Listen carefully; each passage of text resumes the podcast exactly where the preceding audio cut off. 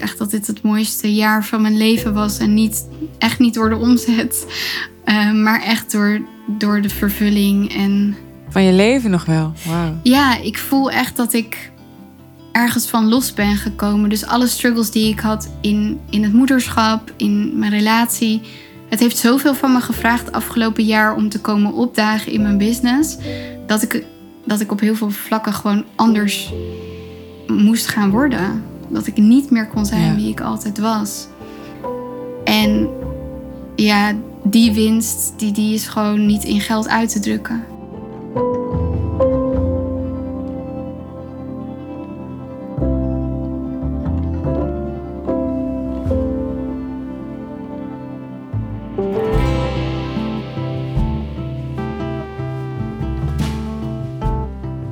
Even een solo-aflevering tussendoor.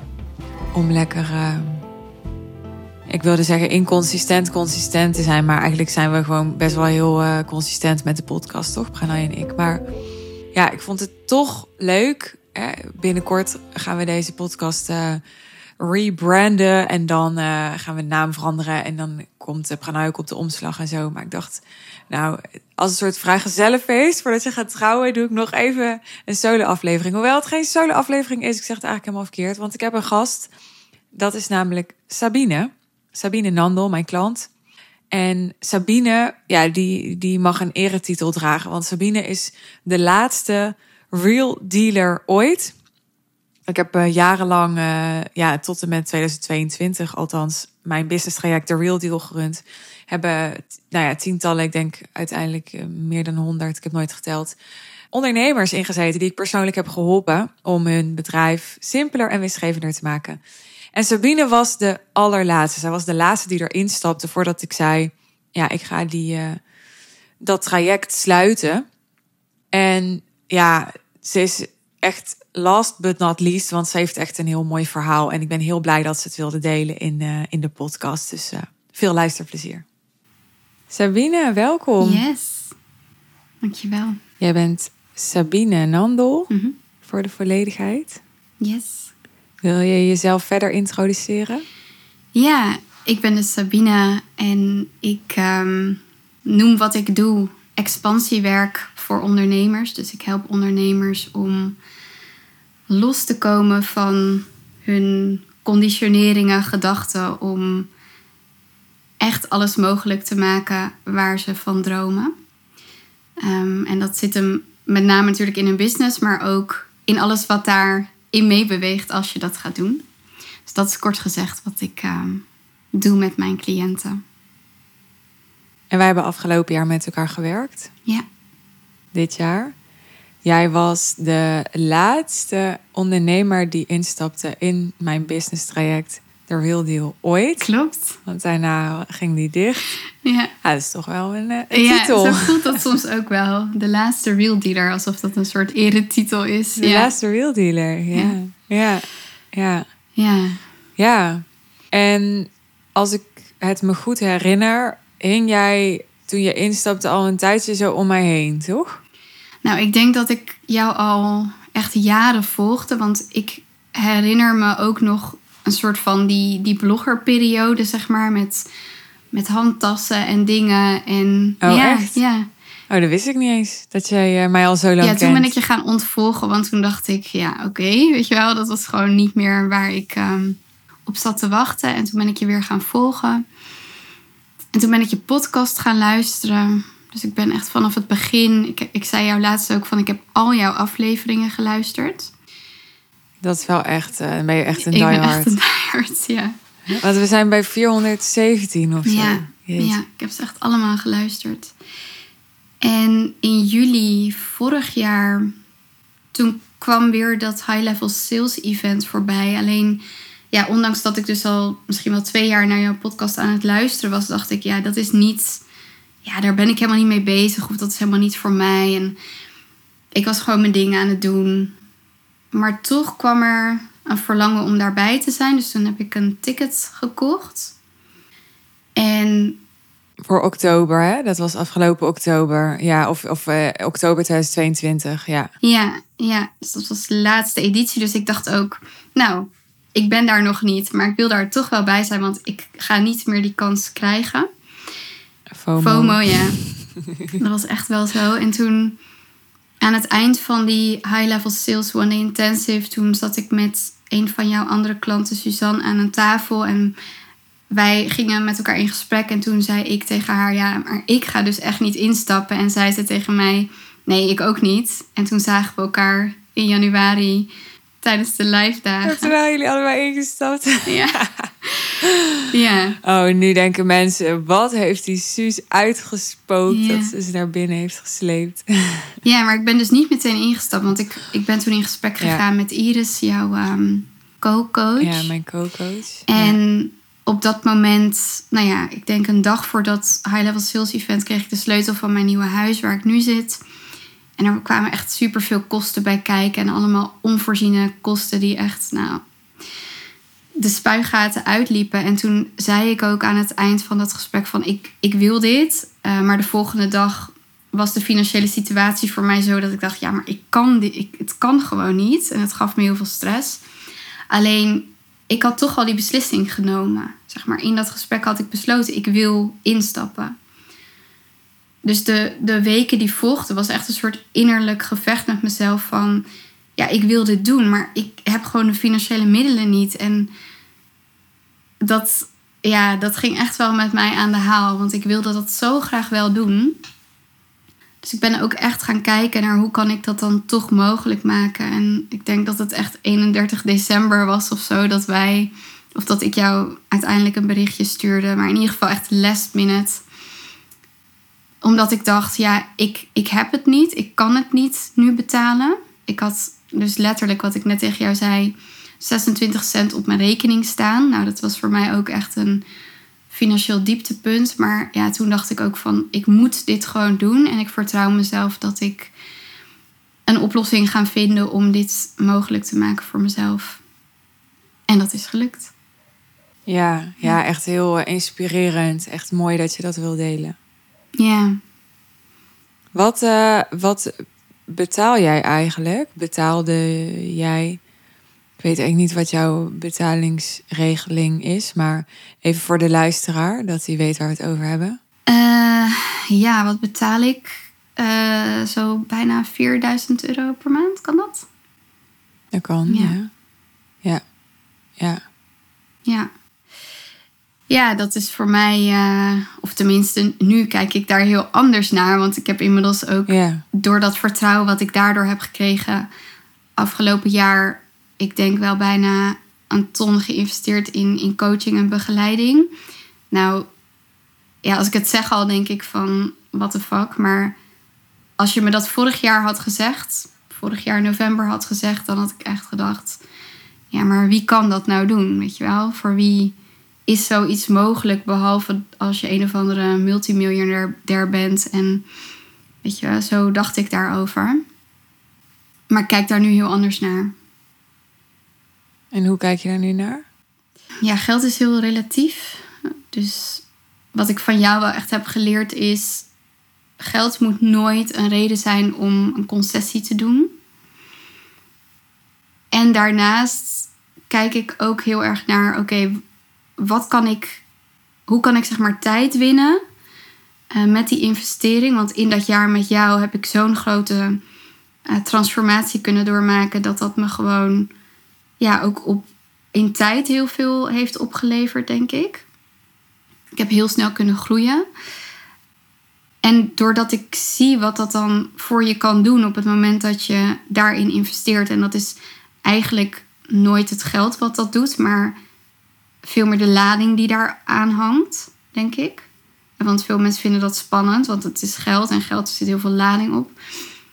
Maar ik zie juist dat dat mechanisme van je, je neemt die beslissing en je gaat ervoor. En dat geld houdt je een soort van accountable om ehm, ja, niet af te zwakken wat je tegen jezelf of aan jezelf beloofd hebt.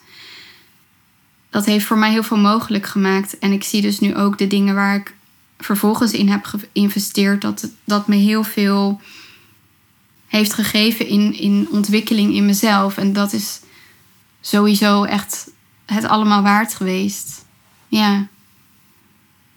En wat was dat? Wat maakte dat jij dacht, ook al heb ik geen geld en ja, ook al weet ik niet hoe ik het moet doen, maar ik, ik wil het zo graag. Dat is wat ik je hoor zeggen. Ja, ja. ehm, het was gewoon echt iets fysieks dat ik, ik voelde gewoon, ik, ik moet dit doen. Ik moet dit doen. En ja, dan kunnen we zeggen van dat is intuïtie. En dan ging ik mezelf ook vertellen van ja, weet je, hoe kan je intuïtie nou iets willen hè, in, in de vorm van een business coachingstraject, waar, waar slaat dat op?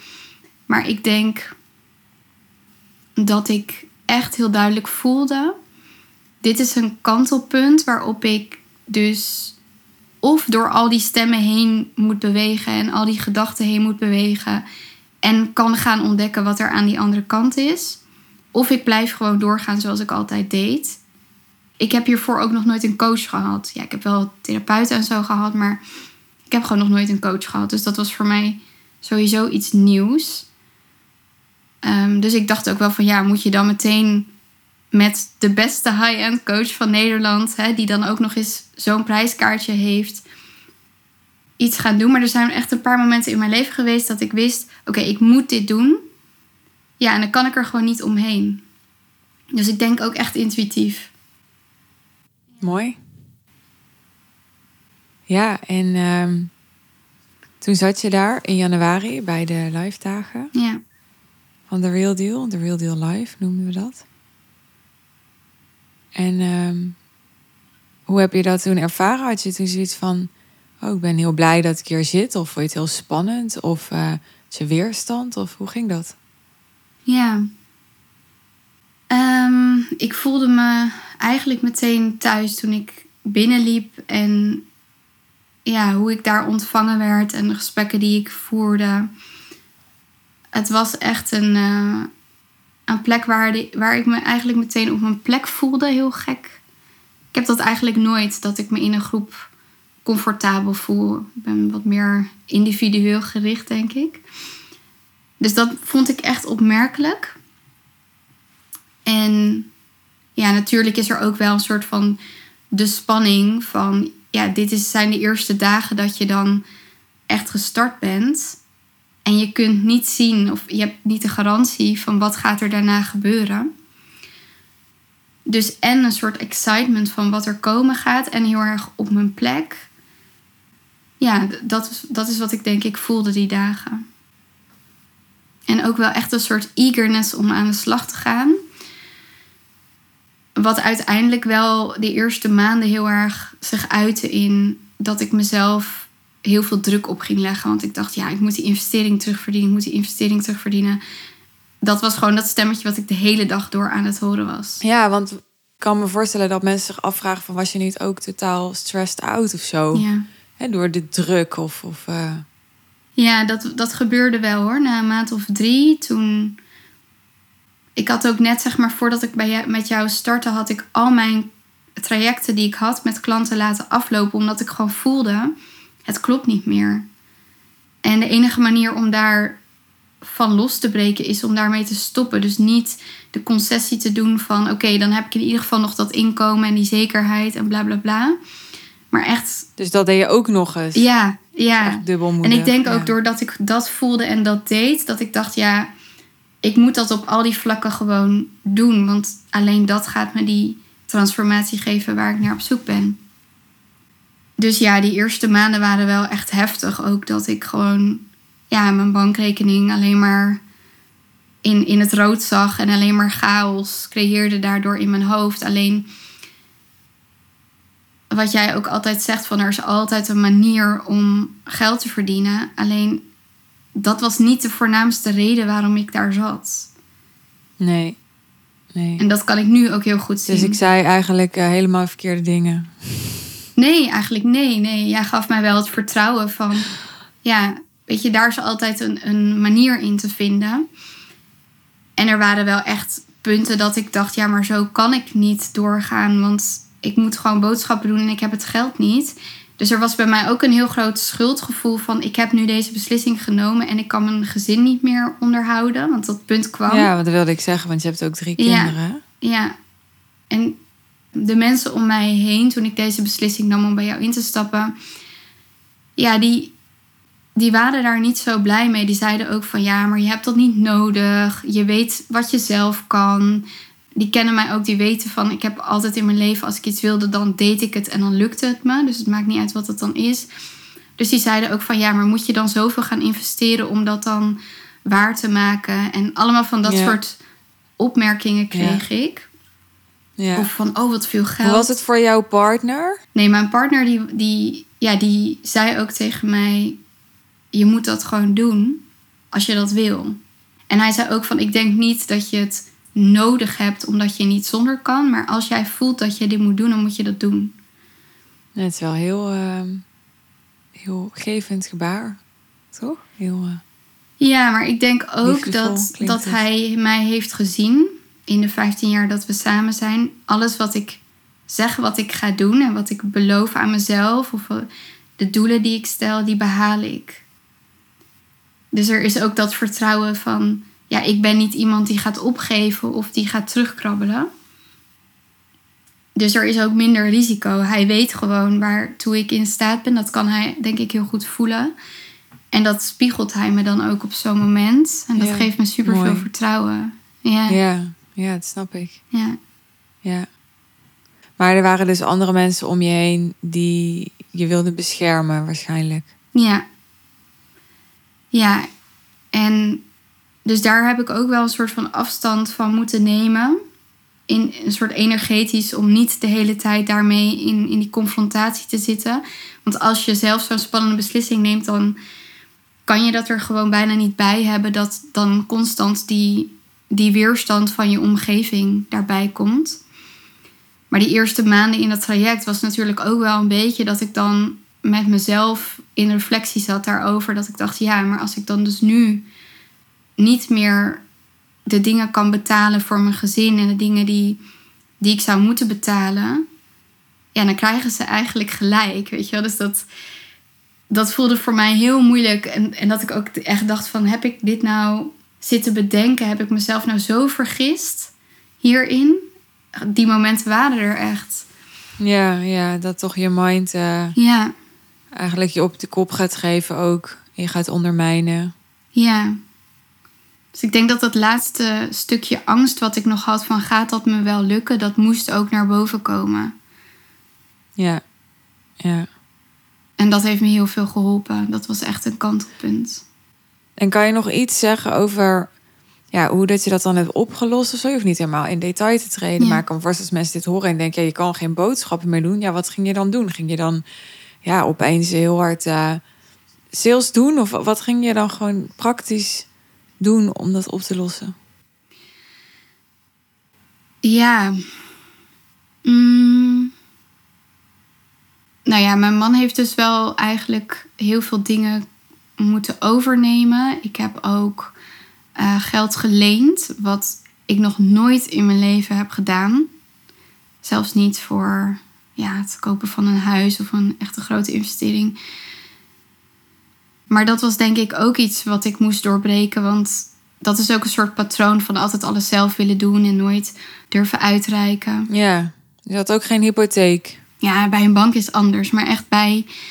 Oh, dat is Ja, anders. ja, dat vind ik dan toch anders. Maar het, het ging echt om een stukje. Ja, weet je wel, dat een stukje trots van bij je vrienden aankloppen of bij je familie aankloppen van ja, kunnen jullie mij iets lenen? Of hè, kunnen jullie mij. ehm, en ik heb dat wel zoveel mogelijk proberen te vermijden. En als ik het dan deed, gewoon ook ja, zo snel mogelijk terugbetaald.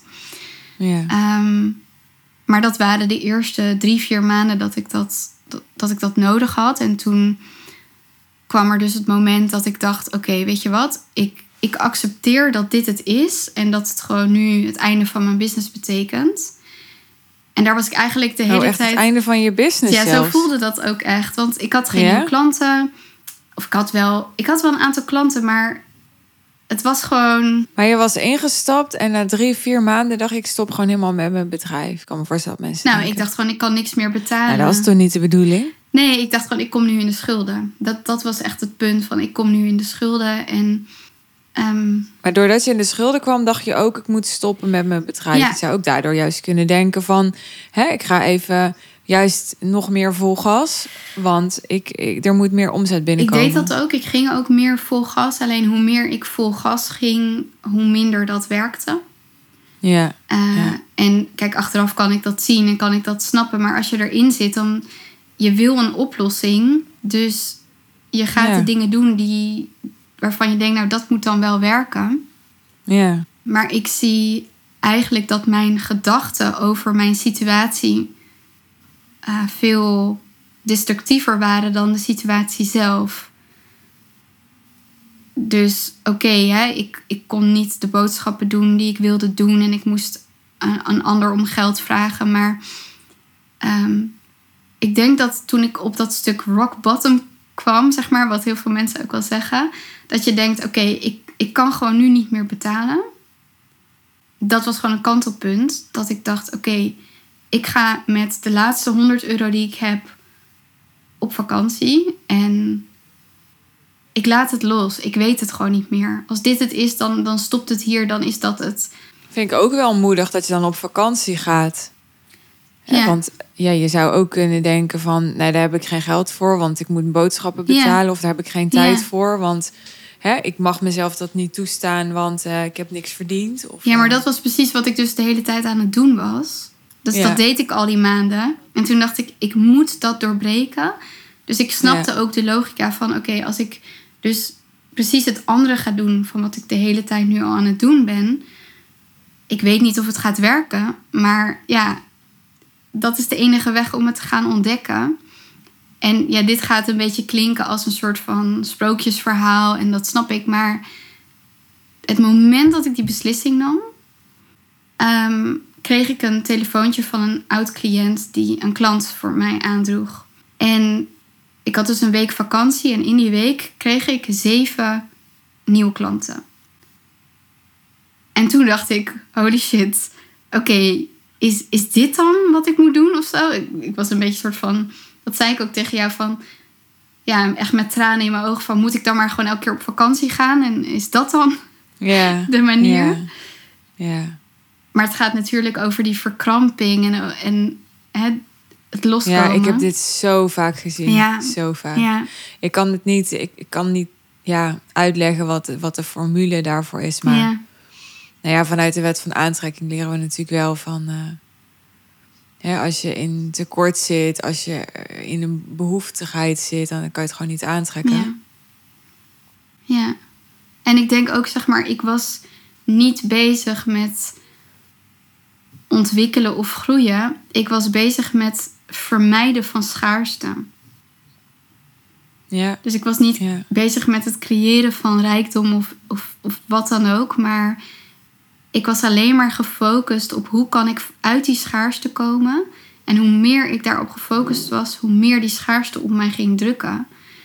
ja, En toen ik kon accepteren van oké, ik, ik ga nu in de schulden belanden. En dat was gewoon mijn grootste angst. Ja. Toen ik dat kon aankijken, toen, toen is er echt iets geswitcht in mij. ja, En dat is denk ik als ik terugkijk op het traject, wat ervoor gezorgd heeft dat ik ja, echt los kon gaan. ja. Ik vind jouw verhaal echt zo cool. Als ik dit hoor, dan ik was alweer bijna vergeten dat je daar vandaan kwam, omdat je nu op zo'n andere plek zit. Mhm. Ik ook. En tegelijkertijd is het. Kijk, mijn realiteit is nu heel anders. Soms besef ik me dat nog niet, omdat het gewoon in één keer heel snel is gegaan. Ja, Ehm, maar dat moment is denk ik wel een moment waar ik altijd aan terugdenk als ik weer in een soort zelfsabotage zit. ja. Ja, Ja, ik, ik vind het mooi dat je het vertelt. Omdat ik... Je vertelt dit en dan denk ik... Ja, maar je vertelt nu eigenlijk juist waar mensen altijd bang voor zijn. Ik heb natuurlijk honderden, duizenden sales calls gevoerd in de afgelopen jaren. En ehm, ja, er zaten zat mensen bij voor wie dat geld niet echt een issue was, of een heel klein beetje.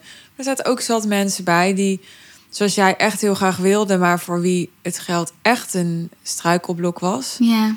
En, ehm, en ja, die, die kwamen natuurlijk allemaal met dit aan: van ja, maar ik ben kostwinner, kan mijn gezin niet in de steek laten. Of ehm, hè, eh, ja, ik, ehm, het, het voelt dan egoïstisch, want misschien moet ik dan anderen duperen als ik inderdaad andere geld moet vragen. Of ja, zoveel conditionering heb ik daar ook opgezien. Ja. Mensen die zeiden van. Ik wil alleen instappen als ik het hele bedrag op voorhand kan betalen. Ja. Enorm veel lading op schulden. Terwijl natuurlijk, ja, bij start-ups is het heel normaal om, eh, om leningen aan te gaan, investeerders aan te trekken en zo. Maar eh, ja, als, als kleinere ondernemer, ja, is het, is het, daar, daar heb ik echt gezien hoezeer mensen schulden bijna koppelen aan, aan, aan iets doms. Ja. Weet je wel? Dus voor mensen die eh, te veel besteld hebben bij de weekkamp, bij wijze van ja, spreken. Ja. Terwijl ik ben dus nooit Die- iemand die zoiets zou doen. Weet je wel, al die materiële zaken die kunnen me gestolen worden. En daar zou ik ook nooit schulden voor, voor maken. Ja, een hypotheek. Maar kijk, jij zei ook een keer van... Als ik zeg dat ik het niet meer kan betalen of als ik krap zit... dan heb ik nog een marge waarin ik gewoon kan leven en, en hè, mijn boodschappen kan doen. Maar Nou ja, tot nu toe wel. Dat kan bij Ja, mij ook ja. veranderen Ja. natuurlijk. Hè? Maar Maar het is meer van, mensen zeggen soms, ja, maar ik heb het geld niet. ja, Maar als ik terugkijk naar mijn situatie, het is niet dat ik zei dat ik het geld niet had. Ik had oprecht het geld niet. nee. En ik wist Nee. oprecht ook niet hoe ik het ging doen. En dat is denk ik wel een mooie les voor de mensen die ook luisteren van. En, en niet om mensen aan te ehm, sporen om maar gewoon heel veel investeringen te gaan doen of zo. Daar gaat het niet Nee. over. Maar als je echt weet Nee. van ik moet dit doen, want dit gaat iets voor me betekenen wat ik gewoon niet op een andere manier kan faciliteren. Dan vind je altijd wel weer een, een manier om daaruit te komen. Nou, wat ik mooi vind, is dat jij überhaupt bij dat gevoel, bij die ingeving gekomen bent. Dat gevoel van ik moet dit doen. Want, want waar ik me heel erg over heb verbaasd, is dat heel veel mensen dat niet hebben. Die kijken gewoon zo van, oh nou, eh, zou dat kunnen? Nee, dat kan eigenlijk niet, want ik heb eh, ja, niet genoeg omgezet dit jaar. Nou ja, dan niet. En dan, weet je. Maar, maar ja, ik, ik hou daarvan. Ik hou heel erg van de mentaliteit van, van echt helemaal ja, of gewoon weten wat je wil, of dat echt uitpluizen en dan daar je zinnen op zetten en daarvoor gaan. En dan, ja, ik heb, ik ken inmiddels zoveel van dit soort verhalen, dan lukt het altijd. Ja. Er zijn meer mensen in deze podcast geweest die ook, ja, ik moet nu denken aan Joyce bijvoorbeeld, heeft ook in deze podcast verteld van, ja, die had ook gewoon het geld Nee. niet. Maar alleen al het feit dat je iemand bent die weet wat hij wil en die dan daar zijn zinnen op zet, dat zegt ook al iets over of je het voor elkaar gaat krijgen. Ja. En dat onderschat je snel, want heel veel mensen die hebben dat gewoon Klopt. niet. Die denken gewoon, nou ja, dan niet. Hè? En, en die zijn er dan oké mee om dan zo'n beetje, ja, zo, ja, ik wil niet per se zeggen aan te blijven modderen, dat klinkt zo onaardig, maar nou, een beetje zo langzaam te gaan en, en ja, meer de veilige weg te kiezen. Ja. ja, dat is voor mij denk ik nooit de manier geweest. Dus soms vraag ik me ook wel af van, hè, zijn het mijn verdiensten of is het ook gewoon hoe ik een bepaalde karaktereigenschap die ik heb? Want dit is gewoon hoe ik het altijd heb gedaan. Ik deed altijd dingen anders dan dat anderen deden en daar was ik oké mee. Ehm, Wil je daar misschien nog iets over vertellen? Want dat is heel makkelijk gezegd, want ik deed dingen altijd anders. Maar volgens mij heb je best wel een bijzonder leven gehad. Je hoeft niet natuurlijk eh, eh, te vertellen wat je niet wil vertellen. Maar zijn er dingen over die je wel wil vertellen waarvan je denkt van, ja, dat, dat illustreert wel echt dat ik de dingen anders deed? Ehm, ja, ik denk dat ik, ik. Ik was heel erg, zeg maar. Ik kreeg vanuit huis heel erg mee een goede baan. En hè, dat is belangrijk. En ik had me ingeschreven voor een studierechten aan de Universiteit in Utrecht. En ehm, eigenlijk was alles geregeld. En, en last minute dacht ik van ja, maar. Ik voel dit gewoon totaal niet. Dit is niet wat ik wil. En toen heb ik besloten om ehm, me in te schrijven bij een au pair bureau. En toen ben ik in een gezin geplaatst in, in Frankrijk. En daar ben ik ehm, heen gegaan. En al heel snel ontmoette ik mijn huidige partner. En ik was 18 toen wij elkaar ontmoetten. En ik voelde gewoon, ik wil, ik wil een gezin stichten met deze man. Maar dat was totaal niet rationeel of zo. Ik bedoel, in hoeverre kan je daar rationeel over beslissen als je 18 bent. Maar Mm. Er was voor mij gewoon niet een andere optie dan dat. Dat voelde zo sterk als dat wat ik moest doen. En ik, ik was daar helemaal niet mee bezig. Want ik wilde gewoon feesten en gewoon vrijheid, blijheid, zeg maar. Ehm, ja, dus waar al mijn vriendinnen en ex-klasgenootjes naar de universiteit gingen, eh, zat ik met een baby. En Dus je hebt dat gezin gesticht op je achttiende. ja, ik was 19 toen ik uiteindelijk zwanger raakte van mijn oudste dochter. En toen deed ik ook gewoon, ik had een baan, ik had een goede baan. Ik werkte bij Christian Dior op het hoofdkantoor. Ehm, nou, dat was ook een hele interessante baan, maar goed, dat even terzijde. In Frankrijk? Ja, ja in Parijs. Dus je was geen au pair meer Nee, ondertussen? nee, ik had echt een hele leuke baan. ehm. dus daar heb ik ook echt heel erg veel geleerd over hè, wat jij eigenlijk zegt over dat die high-end klanten. Ik werd daar echt letterlijk opgeleid over hoe, hoe creëer je die klantbeleving. Want dat is natuurlijk een groot luxe merk. En ja, je wordt daar echt getraind op, op dat stuk kwaliteit leveren en, en klantbeleving, zeg maar, in het luxe segment. Dus dat, daar is een beetje al die, ja, die voorliefde ontstaan. En daarnaast studeerde ik deeltijd aan de universiteit in Frankrijk. Deed ik twee, twee keer een deeltijdstudie. ehm. Ja, want ik denk, je werkte bij, bij Dior. Maar kon je ook opeens Frans? Of kon je dat al? Of kon je dat helemaal niet? Eh, nou, ik, ik kon wel een aantal dingen. Ik denk, zoals de meeste wel, een paar woorden kunnen. Maar als je daar komt, dan besef je je... Oh ja, een cola bestellen is toch iets anders dan een normaal gesprek met iemand voeren over ja, je gevoelens of over het leven. ja. Want jouw partner is Frans. Ja, Toch? ja hij is daar eh, inderdaad opgegroeid en hij spreekt Frans. En toen ik hem leerde kennen, sprak hij ook bijna geen Engels. Dus ja, er was niet echt een andere weg dan Frans leren. Dus ik heb echt in een half jaar heb ik vloeiend Frans geleerd. Ehm, en toen kon ik eigenlijk ook wel aansluiten op de universiteit. Alleen de cijfers die ik haalde waren soms middelmatig, omdat mijn spelling en grammatica niet helemaal top waren, omdat ik gewoon niet native ben. Ehm, dus ja, dat, dat was een, eh, een bijzondere periode. Maar dat gaat eigenlijk heel snel als je erin zit. Dan leer je dat wel. Ja, Je hebt dus jarenlang in Frankrijk gewoond. ja bijna tien jaar. Op je negentiende moeder geworden. Ja, Nu voed je je kinderen volgens mij ook tweetalig op, toch? ja zeker.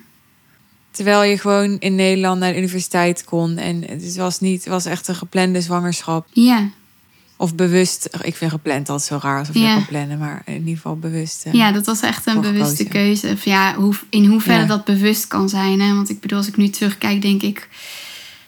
Ik wist niks van het leven. En, en ik weet nu nog steeds weinig van het leven. Maar Nee, maar het was niet dat je dacht van holy shit, dat was echt helemaal niet de bedoeling. nee, dat kwam tien jaar later. Oké. Ja, ja. Dus eh, nee, dus dat is eigenlijk heel tegenstrijdig. Want toen werd je derde dochter geboren. Ja. Ja, Ja, ja, toen, eh, ja, toen kwam ik er dus achter dat ik onverwacht zwanger was. En ik had altijd wel grappend gezegd, toen ik mijn twee oudste had, toen was ik 21, toen had ik twee kinderen.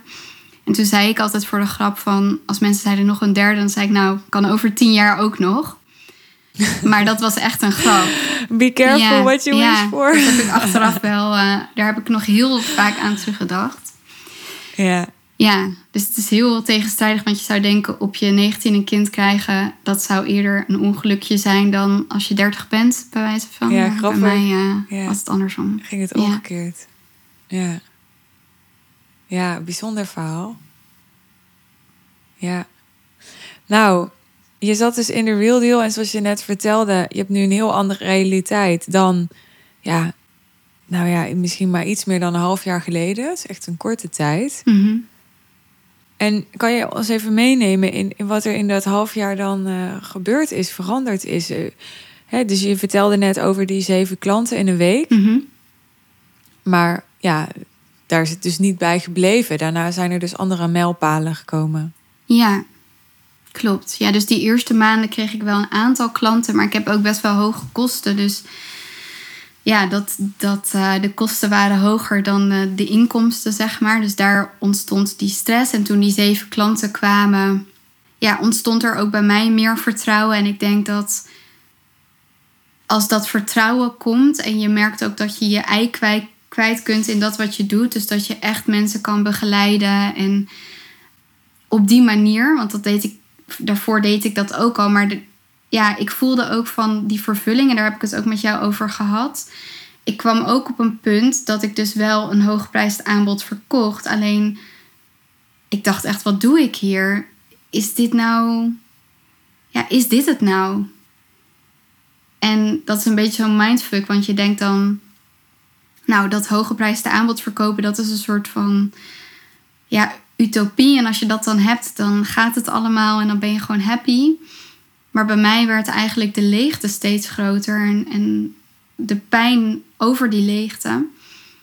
En toen die nieuwe klanten kwamen, toen kon ik daar echt opnieuw vorm aan geven. En doordat ik met hen weer de diepte in kon, ging er bij mij ook heel veel weer in ontwikkeling.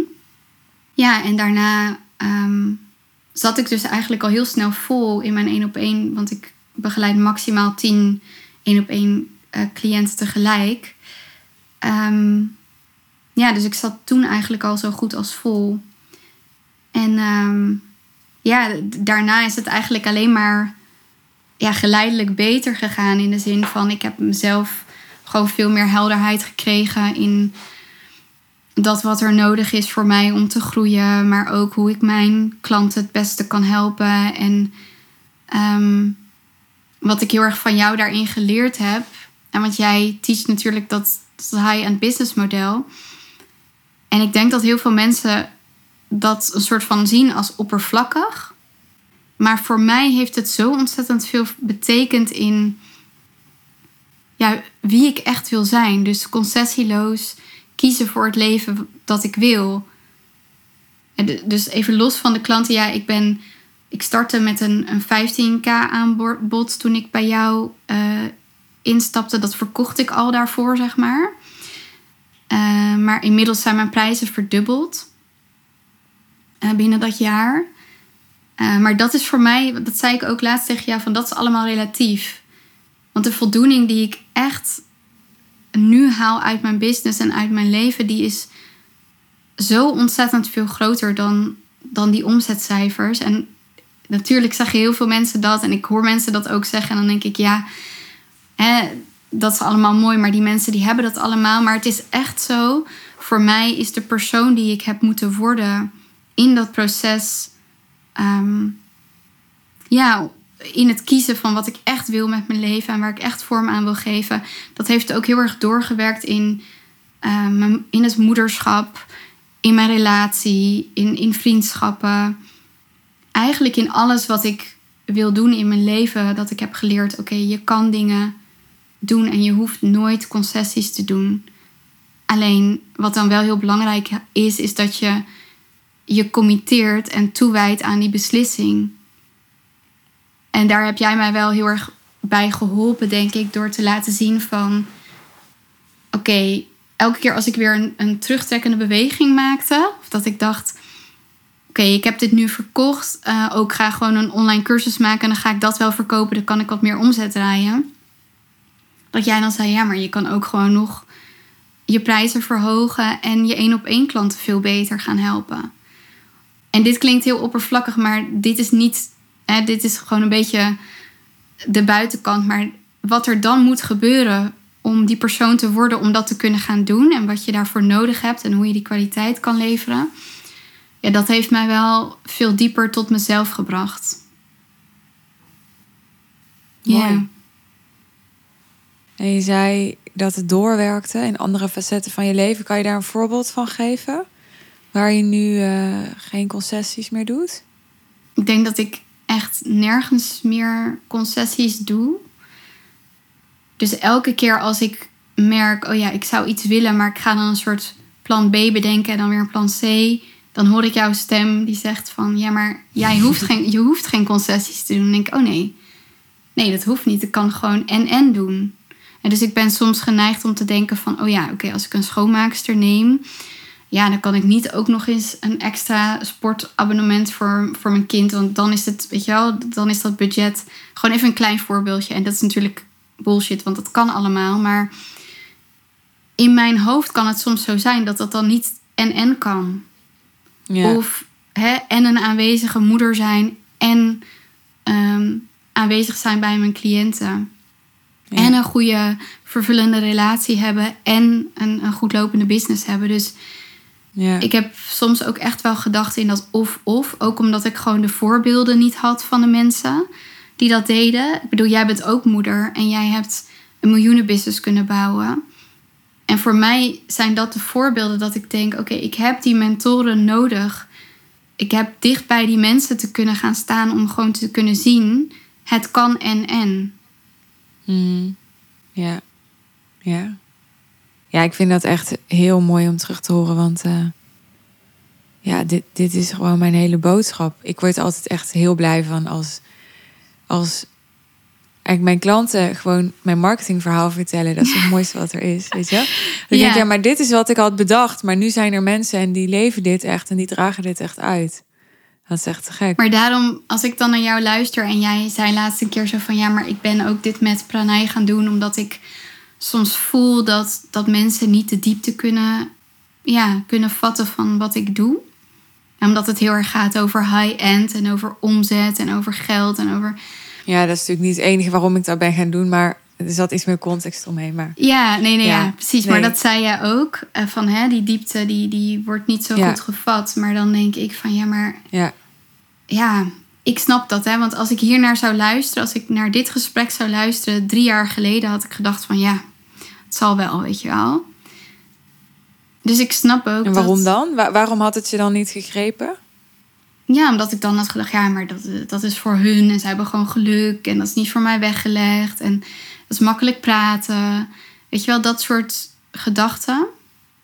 En ja, ik denk dat ik echt door die geconditioneerde gedachten heen moest gaan. En, en dat is denk ik het allerinteressantste wat jij mij bijgebracht hebt, is anders gaan denken over dingen. Dus het is echt jouw overtuiging op iets wat ervoor zorgt dat dat jouw realiteit is. Dus je gedachten bepalen heel erg hoe je realiteit voor je verschijnt. En ook hè, als ik dit weer zeg, dan weet ik dat er mensen gaan denken van ja, maar hè, die mensen die in derde wereldlanden wonen en dit en dat. En ja, en tegelijkertijd is het ook allemaal een excuus om het niet aan te gaan en het niet, niet voorbij te durven gaan aan dat wat je gelooft. En dat moet je ook willen. Ik bedoel, je, ik snap ook dat er mensen zijn die denken: ja, ik heb hier helemaal niks mee en dit is allemaal een soort maakbaarheid. Maar het is niet dat het, dat het leven maakbaar is. Alleen hoe helpen je gedachten, je, je saboterende gedachten, je nu op dit moment in je leven, denk ik dan. Het kan gewoon anders zijn, alleen al door anders te gaan denken. En nee, de omstandigheden verander je daar niet door, maar wel je houding ten opzichte van die omstandigheden. En daardoor alleen al wordt je leven anders. Ja. Als mensen dat zouden snappen, ja, dat, dat is echt zo bevrijdend. Heb je eigenlijk wel duidelijk verteld wat jij precies doet met klanten? Want je gebruikt uh, het woord expansie. En nou ben ik even kwijt wat erachter stond aan het begin. Ja, ik noem het expansiewerk. Ja. Expansiewerk, oké. Okay. Ehm, wat is expansiewerk eigenlijk? Want uh, ja. Ja, dat, dat gaat eigenlijk hierover. Dus. Daarom moest ik ja, ook aan denken. ja. ja, en kijk, ik ben niet uh, bezig met manifestatie of de wet van de aantrekking of dat soort dingen. En het komt er natuurlijk wel allemaal een soort van op neer. Maar waar het voor mij heel erg over gaat, en ik heb een therapeutische achtergrond. De afgelopen jaren heb ik uh, met name therapeutisch gewerkt met mijn cliënten. En nu gebruik ik dat meer in business. En daarin gaat het over hè, dat, dat panzer wat je hebt, wat we vaak ons karakter noemen, of hè, hoe we zijn, hoe we onszelf identificeren, is eigenlijk een soort gevangenis waar we in zitten. En onze realiteit wordt daardoor bepaald. Of tenminste, we laten onze realiteit daardoor bepalen. En op het moment dat je dus verder kunt gaan kijken en kunt gaan ervaren dan dat panzer, ja, dan wordt eigenlijk alles in je leven mogelijk. Binnen natuurlijk hè, de, de omstandigheden. Maar ik denk dat heel veel mensen die vinger wijzen naar de externe omstandigheden, dus mijn partner hè, of uh, mijn klanten dit of mijn moeder dat, of nou ja, wat het dan ook zijn voor omstandigheden of externe personen. Maar dat het al begint met dat je die verantwoordelijkheid terugpakt en de autonomie neemt over hoe kan ik ervoor zorgen dat ik een andere realiteit kan creëren door mijn gedrag en mijn gedachten aan te passen. En dat kan alleen maar door niet meer te doen wat je altijd deed en niet meer te geloven wat je altijd geloofd hebt. Dus dat is een beetje de kern van het werk wat ik doe. En, en dan wordt alles mogelijk. Hè? Je, in je relatie, maar ook in ja, wat je kunt doen met je klanten, wie je kunt zijn, de kwaliteit van je leven. Ja, en daar word ik zo blij van. En ik word ook, er ook zo blij van om te zien wat dat betekent voor mijn cliënten en hoe ze ja, in hun relatie met hun partner, maar ook in hun relatie tot geld en ja, alles in hun leven gewoon de kwaliteit kunnen creëren waar ze naar verlangen. Ja, dat is, dat is echt uh, zo mooi om te zien. Dus is het eigenlijk ook jouw eigen groeiproces, transformatieproces waar je anderen bij helpt? Ja, ik denk dat. Ja. Ik denk dat dat wel zo is. Dat je iets doorleeft en, en hè, dus je expertise dan gebruikt om daar iets in te teachen of over te brengen. Maar ik werk niet op een manier van, oh ja, ik heb het zo gedaan, dus is het voor jou ook zo. Ik help meer met dat mechanisme. Van wat is dat mechanisme wat jou in dat panzer houdt? En vanuit therapeutisch oogpunt gaat dat natuurlijk altijd over die conditionering en, en die trauma's en hoe dat je vasthoudt en de loyaliteit daaraan. Want jij noemt uh, therapeutisch oogpunt. Je bent dus therapeut. Volgens mij heb je dat nog niet genoemd. Nou, ik, ik identificeer me daar in, inmiddels niet meer mee. Maar ik heb de jaren hiervoor ben ik wel therapeut geweest. En heb ik dus ook niet per se alleen met ondernemers gewerkt. Maar werkte ik met name met mensen die ja, vastliepen in hun eigen stukken. En ja, ook wel echt los wilden breken van hun conditionering. Dus die zagen van dit is niet wie ik ben. Het belemmert me. Het, het ja, het is destructief voor me. Uh, maar ik heb er wel een soort loyaliteit aan. En ik gedraag me nog steeds zo. En daar, van daaruit ging ik zien, oké, als dat mogelijk is voor deze mensen, hoe zou het dan zijn als ik ondernemers daar meer in zou meenemen? Want voor mij heeft dat ook ontzettend veel betekend. En um, ja, als ik zie van waar ik ben opgegroeid en, en de dingen die daar geloofd en gezegd werden en waar ik nu sta, denk ik ja, als dat mogelijk is, dan, dan is alles mogelijk. En dat is dan ook eigenlijk voor iedereen mogelijk. En als we dat gaan doen, dan creëren we ook voor onze kinderen weer een nieuwe realiteit. En hoe mooi is dat dat je dat kunt gaan doen? Mooi, zeker. Wat zijn voor jou highlights geweest? Of ehm, ja, op een bepaalde manier markeringen geweest tijdens onze samenwerking waarvan jij het gevoel hebt van ja, dat heeft echt verschil gemaakt. Je noemde natuurlijk die week, hè? Maar zijn er dingen geweest, bijvoorbeeld in een call die wij hebben gehad, of tijdens live dagen, of op het chatcontact dat we hebben gehad, waarvan jij je herinnert van, ja, dat is echt belangrijk geweest voor de transformatie die ik heb doorgemaakt? Ja, uh, er zijn een aantal momenten geweest. En ik denk dat dat vooral te maken heeft met hoe jij je opstelt. Ehm, zeg maar, ik kom met mijn problemen, met mijn gedoe en jij bent daar. Jouw aanwezigheid jij bent niet iemand die iets gaat fixen of mij dingen gaat aanreiken. Dus dat, dat kan heel frustrerend zijn. Ik weet ook dat voor heel veel mensen dat heel frustrerend is. Dat heb ik ook een beetje om me heen gezien, ook al in die groepscalls. Van, jij laat volledig de verantwoordelijkheid bij mij om de oplossing te vinden. En dat bekrachtigt mij heel erg. Dus ik kan dan bij jou komen met echt een frustratie van ik weet het gewoon niet meer. En ik zie bij jou dat, dat diepe vertrouwen, wat ik ook in mezelf herken, maar wat ik dan op dat moment gewoon niet meer kan aanboren. Want ik denk dan echt van ja, maar hoe dan? En doordat jij daar met zoveel vertrouwen bij blijft. En dus ook niet dingen gaat aanreiken van oh je kan dit proberen of je kan dat proberen. Want dan gaan we eigenlijk dus weer weg van, uh, hè, van, van de pijn. Maar je blijft gewoon bij die pijn. En die aanwezigheid die zorgt ervoor dat ik ook weer dat vertrouwen in mezelf kan gaan voelen. En eigenlijk is dat het enige wat, ja, waarvan ik merk dat is wat ik nodig heb. Want ik weet het diep van binnen wel. Ehm, maar ik heb weinig mensen waarvan ik voel dat ik dat, ik dat ook. Ik weet niet of je dat, dat snapt, maar. Ehm, kijk, iemand anders zou dat ook bij mij kunnen doen. Alleen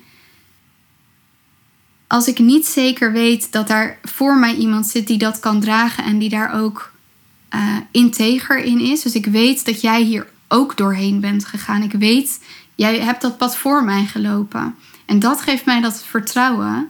En dan jouw houding daarbij zorgt er gewoon voor dat ik denk: ja, oké, ik moet hier doorheen. Weet je, er is een perspectief waar ik naartoe kan. En hoe dat er precies uitziet, dat hoef ik niet te weten. Maar gewoon dat diepe vertrouwen, dat, ja, dat is echt goud geweest. En ik denk ook wel de laatste sessie die we hebben gehad, waarin ik dan met een hele concrete, simpele vraag kom. Dat ik denk, ja, ik wil hier gewoon antwoord op. En dat jij dan mij iets spiegelt over een mechanisme. Ehm, en dat raakt me dan heel erg. En dan denk ik, oh ja, jij ziet verder dan, hè, dan ik zelf op dat moment kan zien. Ehm, en je ziet waar het op dat moment dus echt voor mij over gaat. En dat is niet leuk. Want ik wil gewoon een antwoord op, hè, bijvoorbeeld, hoe kan ik mijn content nu het beste gaan schrijven? Ja. En dan kom jij met iets en dan raak ik eigenlijk weer in een proces met mezelf. En dan denk ik, ja, lekker efficiënt. Dan kan ik eigenlijk heel boos en verdrietig over zijn. Dat, want ik wil dat allemaal niet. Nee. Maar juist daardoor heen gaan, ja, dat maakt dat ik me kan ontwikkelen. Ja. Mooi.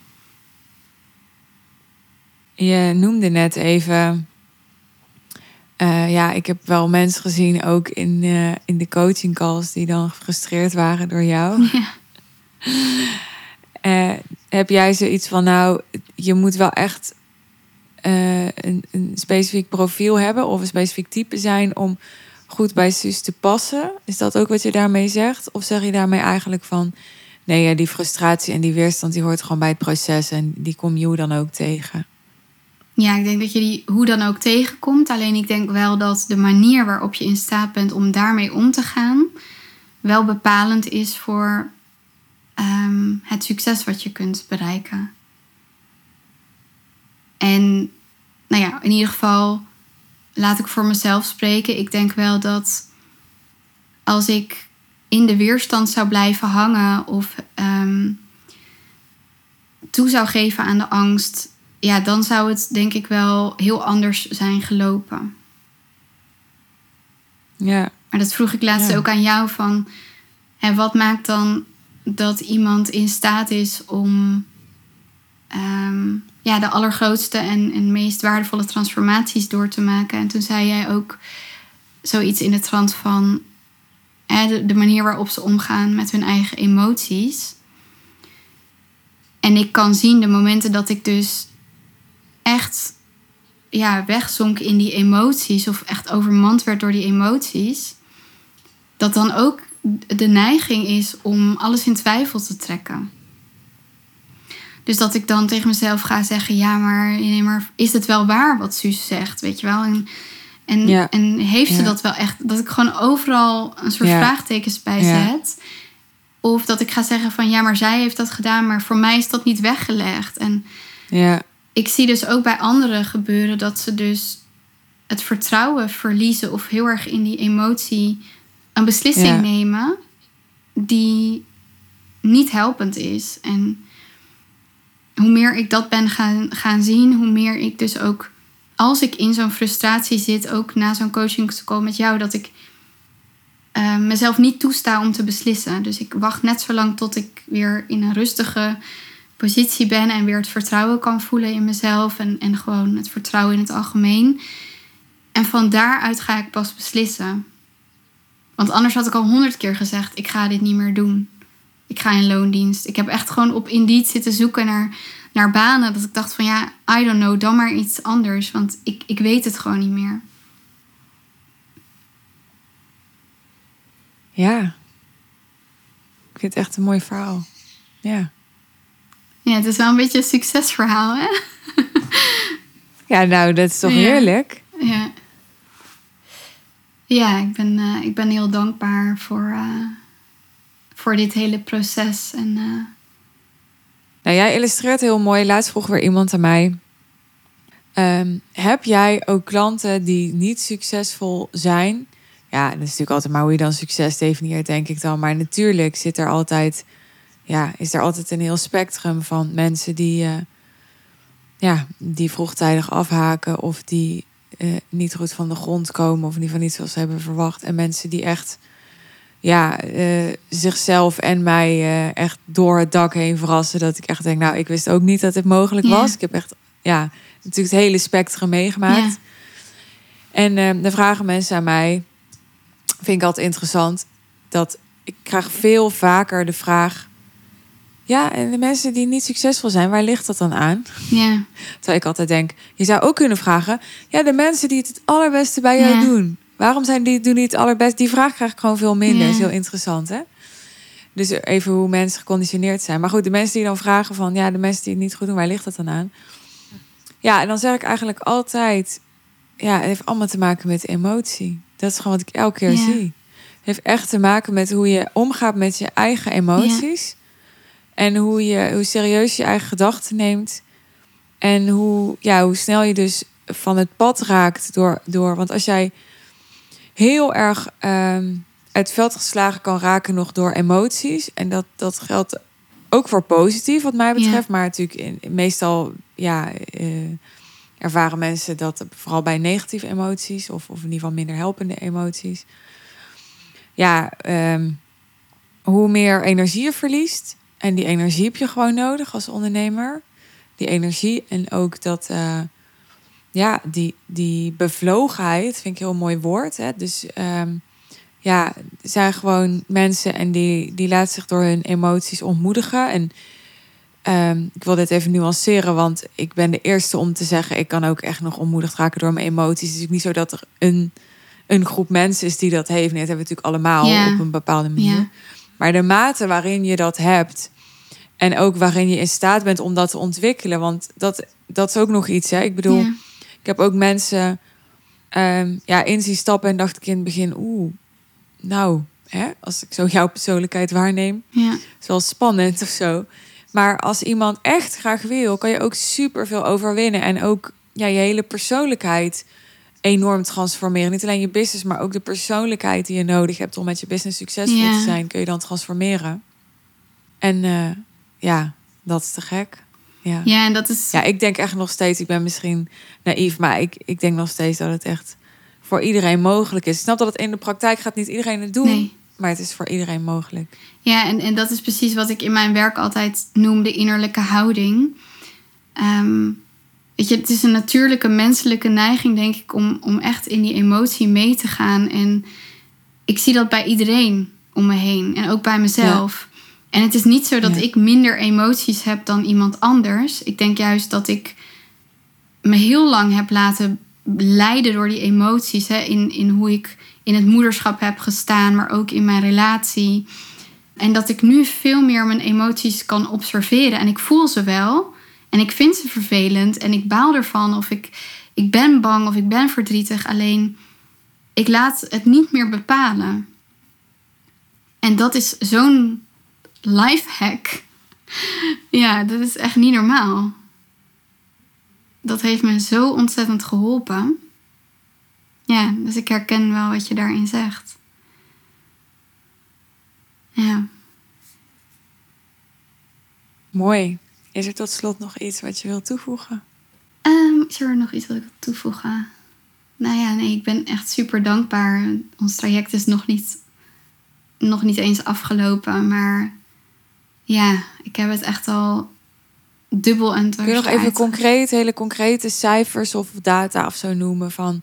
Hè, we begonnen natuurlijk met die 26 cent op je bankrekening. Ja. ja, dat was ook gewoon een drama door die hele verbouwing en zo. Hè. Dat is niet echt representatief, ja. maar nee. ik heb mijn... Um, ik heb nu al in Q3 heb ik mijn omzet ten opzichte van vorig jaar meer dan verdubbeld. En dan tel ik dus nog niet Q4 mee en wat er allemaal nog aan zit te komen. En ook mijn winst. Dus daar, uh, daarin heb ik beide verdubbeld. Alleen ik ben wel met minder klanten gaan werken. Ten opzichte van vorig jaar. Dus vorig jaar, ik stuurde jouw laatste cijfers. Nou ja, misschien wel gehalveerd. Of misschien wel meer dan gehalveerd in het aantal klanten waarmee ik werk. En um, nou, je hebt je prijzen verdubbeld. Mijn prijzen zijn inderdaad verdubbeld. Ja, en ik, ik denk echt dat dit het mooiste jaar van mijn leven was. En niet, echt niet door de omzet, uh, maar echt door, door de vervulling. En, van je leven nog wel? Ja, ik voel echt dat ik ergens van los ben gekomen. Dus alle struggles die ik had in, in het moederschap, in mijn relatie. Het heeft zoveel van me gevraagd afgelopen jaar om te komen opdagen in mijn business. Dat ik, dat ik op heel veel vlakken gewoon anders moest gaan worden. Dat ik niet meer kon zijn wie ik altijd was. En ja, die winst, die, die is gewoon niet in geld uit te drukken. Ja. Dus dat is niet heel concreet, maar ook weer wel. Ja, ja. ik wel. Zeker. Ja. Er schiet mij nog iets te binnen waar we het niet echt over hebben gehad. Hm. Ik wilde al gaan afronden, maar ik dacht nou even nog uh, een toegifje. Want um, jij hebt dus, ja, ik vind het nog steeds echt bizar. Ik heb ze natuurlijk allemaal ingesproken, maar jij hebt al die podcasts geluisterd. Ja. Maar ik ben natuurlijk um, vanaf aflevering 389, ik weet het in mijn hoofd. ik niet, zo erg is het ook niet. Nee, dus, oké. Okay. Nee, ben ik met, uh, met uh, Pranay gaan podcasten. Ja. En uh, ik was gisteren nog uh, eten met iemand en die zei van... Ja, die, die noemde het bijzonder bijzondere content, zeg maar. Dacht ik, ja, dat, dat is wel het goede woord, denk ik. Bijzonder. Ja. Tenminste, ja, ik vind, dat, uh, ik vind dat niet negatief. Ik vind dat wel een mooie term, passende term. Dus ik dacht, ik vind het ook wel interessant om nog even te horen van jou als klant, hoe jij het beleefd hebt en nog steeds beleeft. Mm Dat ik die samenwerking met Pranay aan ben gegaan. Dat ik dus ook wat meer over andere thema's ben gaan delen. Um, ja, ik, um, ja, ik weet dat er dat er wel mensen zijn geweest die um, daar ook een beetje onzeker door werden. Zo van, oeh, we, we raken onze coach kwijt, weet je wel? Ja. en ze gaat weg. Ja. ja, ik zie bij jou ook wel die verandering, denk ik. Ja, ik ben natuurlijk een beetje, denk ik, in die transitie ook bij jou gekomen. Want ik denk dat er al dingen bij jou gaande waren. Dus ik heb jou daarvoor ook niet gekend. Maar Ja. ik kwam bij jou echt voor dat stukje, ja, dat, dat meer pragmatische, dat meer, dat stukje business ook echt. Ja. Hè, want de touw is iets waar ik me juist de afgelopen jaren heel erg mee bezig heb gehouden. En dat spirituele pad was voor mij ook een soort van: oké, nou misschien gaat dat me dan eh, iets brengen. Alleen, ehm, ja, ik kwam op een punt dat ik daar ook niet uitkwam. En nu kan ik wat beter zien waarom. Maar Ja. juist door de pragmatische dingen, zeg maar, die, die wij in dit traject hebben gedaan. Ehm, hè, dus een high-end aanbod verkopen, dat klinkt heel plat. Maar dat wat je daardoor moet gaan ontwikkelen in jezelf en waar je dan tegenaan gaat lopen, dat wordt heel erg uitvergroot. En dan komen ook, denk ik, heel erg die spirituele en intuïtieve lagen naar boven. En dat stuk vervulling en dat stuk purpose, daar heb ik tenminste heel erg. Ja, dus ik vind het heel passend eigenlijk dat jij dit gaat doen. Ik, ik, ik snap het ook. Uh, maar er zijn bij mij ook wel wat momenten geweest dat ik dacht: oeh, maar ik kom bij jou voor eigenlijk veel meer die concrete dingen. Alleen ja, het is gewoon onlosmakelijk met elkaar verbonden. Ja, ook met dat voorbeeld wat ik zei van het loslaten van die angst voor schaarste. Ik en dan ineens. Ik ben even afgeleid door concreet, want ik hoor dan meteen zo op in mijn hoofd. Van, ja. Ja, voor mij is dit heel concreet. Ja. ja, dat is ook allemaal perceptie natuurlijk. Ja, ja, ja. ja. ik heb het nu zelf ook hoor. Als jij dan concreet zegt, dan denk ik concreet. Is toch heel concreet wat we zeggen, denk ik dan. maar ik snap het, ja. Ja, maar ik denk dat heel veel mensen gewoon op zoek zijn naar een, een, een kant-en-klaar antwoord. Gewoon een pakketje van dit is het en zo moet je het doen. En hier heb je vier stappen hoe je dat gaat doen en that's it. Alleen, ja, ik denk dat, dat wij allebei weten dat het niet zo werkt. Dus ja, ik, ik vind het een En ook weer wel, hè, op een bepaalde manier. Dus, dus dat heb ik ook wel eens met jou uitgewisseld. Ja. Want je zei een keer ook zoiets tegen mij persoonlijk. Zo van dat, dat mensen dan van mij heel concreet willen horen wat ze moeten doen. Ja. En dan zijn ze inderdaad gefrustreerd van dat ik dat dan niet zeg. Maar ik zei toen ook tegen jou, ik zei... Ja, het kan altijd aan mij liggen, kan altijd. Maar ja. ik zeg het heel vaak wel. Alleen, mensen luisteren niet. En, ja. en dat is niet een soort van verwijt van dat ze stom zijn of zo. Maar dit is gewoon waarom gaan wij ook vaak praten over deep listening. Ja, luisteren klinkt als ja, ja, natuurlijk moet je luisteren als je naar een coach gaat. Waarom zou die anders betalen? En luister je toch? Weet je wel, wil niet zeggen dat je het opvolgt, maar je luistert wel. Ja. Maar het is niet zo. Mensen die, die, ze doen wel hun beste zo. Hè? En, en geldt ook allemaal voor mij. Hè? Dus het gaat niet over, over iemand persoonlijk. Maar laat ik dan zo zeggen, we, ja, um, we hebben echt moeite met echt te luisteren en, en um, ja, dat is wat ik zo interessant vind aan meer opschuiven naar no mind, zoals Pranay dat noemt. Omdat waarom kunnen we ook niet luisteren? Omdat die, onze eigen mind zit ertussen en die filtert alles en zo. Dus die, die zegt gewoon eigenlijk, nou, dat wil ik wel horen, dat wil ik niet horen. Dat geef ik die interpretatie, dat doe ik door die filter. Ja. en dan als iemand dan al hoort wat ik zeg, dan hoort hij iets heel anders dan, dan ja, wat ik wil zeggen. Hè? Dus, ja. Dus ja. Uh, dat is ook die ontvankelijkheid. Ja. Ja. Ja, maar ook echt gewoon de skill, deep listening, dat echt trainen. Dus echt van wat zegt ze nou eigenlijk? Ja, ik heb ook steeds vaker ben ik gaan zeggen tegen mensen: luister even deze recording terug. Luister, luister even terug, weet je? Ik heb dat ook echt met een aantal sessies gedaan. Die heb ik echt wel. Nou, eentje heb ik denk wel zes keer opnieuw geluisterd. ja, ik had dat ook echt nodig om ja, hardcore. Maar het helpt me wel. Want ik heb dat gewoon steeds weer opnieuw geluisterd. En elke keer kwam er dan een nieuwe laag voor me naar boven. Maar ik had in mijn hoofd een idee daarover. En dat kon ik alleen maar loslaten door echt weer opnieuw te luisteren naar wat jij zei. En, en dat niet te interpreteren vanuit dat wat ik eigenlijk al besloten had voor mezelf. Dus ja, daar heb je zeker een punt. En dat is niet altijd even leuk. Nee. Nee. Nee. nee, nee. Ja. Dankjewel, Sabine, voor het mooie gesprek. Jij bedankt. Dit was podcastaflevering 418 samen met Sabine Nandel. En ik uh, zei tegen Sabine toen we klaar waren met opnemen van... Nou, dan kan je na al die afleveringen beluisterd te hebben... nu naar jezelf luisteren in de podcast. Ze zei ja, dan is de cirkel echt na al die jaren wel rond. Ik vond het een... Uh, ja, een tof gesprek. Ook al ken ik Sabine natuurlijk al en ken ik haar verhaal. Maar ik vond het toch weer tof om te horen. En ik hoop dat het voor jou ook waardevol was.